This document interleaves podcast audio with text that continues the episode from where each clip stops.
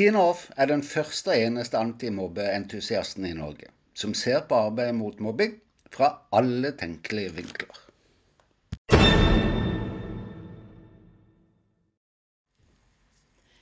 Hva gjør du om ditt barn i kveld forteller deg at du opplever mobbing og slettes ikke vil på skolen i morgen? Og motsatt. Hva gjør du hvis du får en telefon i dag der du blir fortalt at ditt barn er den som utøver mobbing mot andre. Ja, hva gjør du? Selv om mobbing fordeler seg ujevnt over landet, så er det altså i snitt ca. fire til fem barn i hver klasse som er direkte involvert i mobbing. På den ene eller den andre siden. Det betyr at det gjelder flere hundre tusen foreldre også. Og når vi vet fra forskninga at mobbing rammer mer eller mindre tilfeldig, burde vi ikke da alle ruste oss med et førstehjelpsskrin på linje med det vi har på badet for sykdomstilfeller? Hva bør det i så tilfelle inneholde, dette mobbingens førstehjelpsskrin? Det første de fleste tenker, er at det bør kontakte skolen som det første de gjør. Ja, det er en god idé, men la oss vente litt med den, for det er noe annet som er langt mer presserende. Barnet nå. Det kan nemlig være vanskelig å få tak på akkurat hva som skjer. Mellom hvem, hvilken rolle ditt barn har hatt, og hvor lenge det hele har pågått. Kanskje har ditt barn mer enn nok med de reaksjonene det får av at nyheten, eller mobbinga da, er avslørt. Kanskje utageres det som aldri før. Eller barnet bryter helt sammen. Holder det med foreldretrøst? Hvor rusta er vi foreldre til å håndtere faktiske krisesituasjoner som dette? For det er jo noe helt annet enn vanlige krangler, blåmerker eller sykdommer vi snakker om. Er det ikke helseutfordringer vi snakker om her? Det er vel ikke noe for skolen, men for fastlegen. Og helse generelt, som begge sider på kompetanse til å løse eller hjelpe barna i den situasjonen de er i. Derfor så mener jo jeg at vi skal ringe til fastlegen. Bestille en hastetime og trekke med legen inn i situasjonen med en gang. Jeg har sagt det før, men jeg sier det igjen. Og så er det to ting du bør huske. Når mobbing først avsløres, har barna ofte stått i situasjonen lenge. Mens noen barn takler sine opplevelser rimelig greit, så får andre store senskader. Og det kan godt hende at det tar tid før det viser seg hvor omfattende skadene. Jeg er ingen psykolog, men jeg har satt meg fore at jeg skal finne en psykolog som kan komme med smarte grep vi foreldre kan ta i denne type situasjoner, og som vi kan putte inn i den felles førstehjelpsskrinet som jeg nå skal bygge. Jeg lover jeg skal komme tilbake med dette så fort jeg bare kan. Enn så lenge så minner jeg bare på det er fastlegen som sitter på nøkkelen til å henvise til, videre til spesialister, som f.eks. BUP. da. Og så, når det gjelder skolen, å ta kontakt med skolen, så gjør det skriftlig. Hørte du meg? Ja, skriftlig. Uansett hvor god relasjonen er til skolen, altså til kontaktlærer eller skolen generelt. Det trenger ikke være mer enn et par linjer i en e-post til rektor.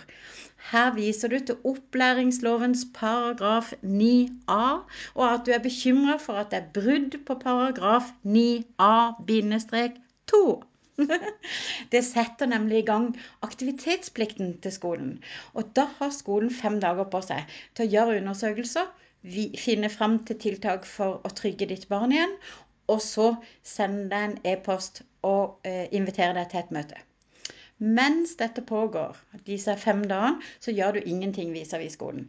Men når du da blir kalt inn, så eh, stiller gjerne da kontaktlærer og rektor opp i det første møtet. Og så to oppgaver til. For dine oppgaver stopper ikke det.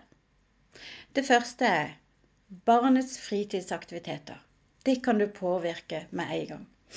Om fritidsaktivitetene som barnet ditt går på nå, innebærer omgang med de som er involvert i mobbinga, er det kanskje lurt å finne andre arenaer der ditt barn kan oppleve gode øyeblikk med jevnaldrende utenfor skolen. Poenget er å forsøke å bidra til at barnet fortsetter å sosialisere seg, opplever at det duger, at det gir selvverd i en ellers så vanskelig situasjon. Du er den som kjenner barnet ditt best, og vet også hvilke tilbud som er i området der du bor. Det kan være krevende, men det er utrolig viktig i bedringsprosessen til barnet om det allerede ikke har lukka seg helt. Det andre jeg har lyst til å fremme akkurat nå, som ofte forsvinner helt når barnet opplever mobbing, på den ene eller den andre siden, er at foreldre ser helt bort ifra seg sjøl.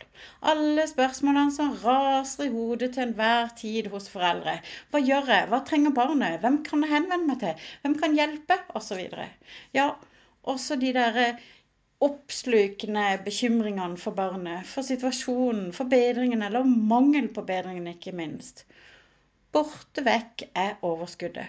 Og med det forsvinner fort de normale tingene dere har gjort i familien.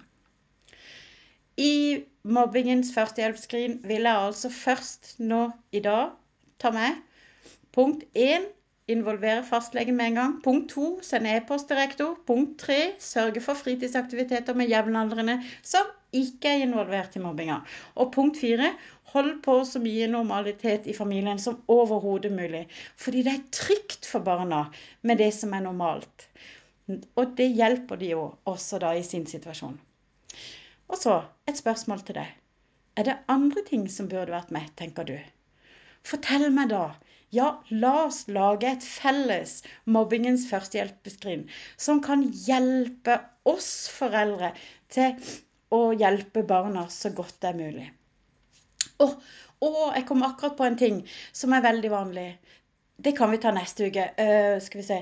Um, når, uh, når, skolen svarer på din e-posthenvendelse om brudd på 9A2, uh, så er det ikke helt sjeldent at det første de svarer, det er 'Dette kjenner vi oss ikke igjen i'.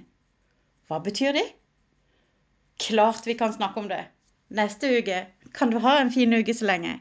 Ha det.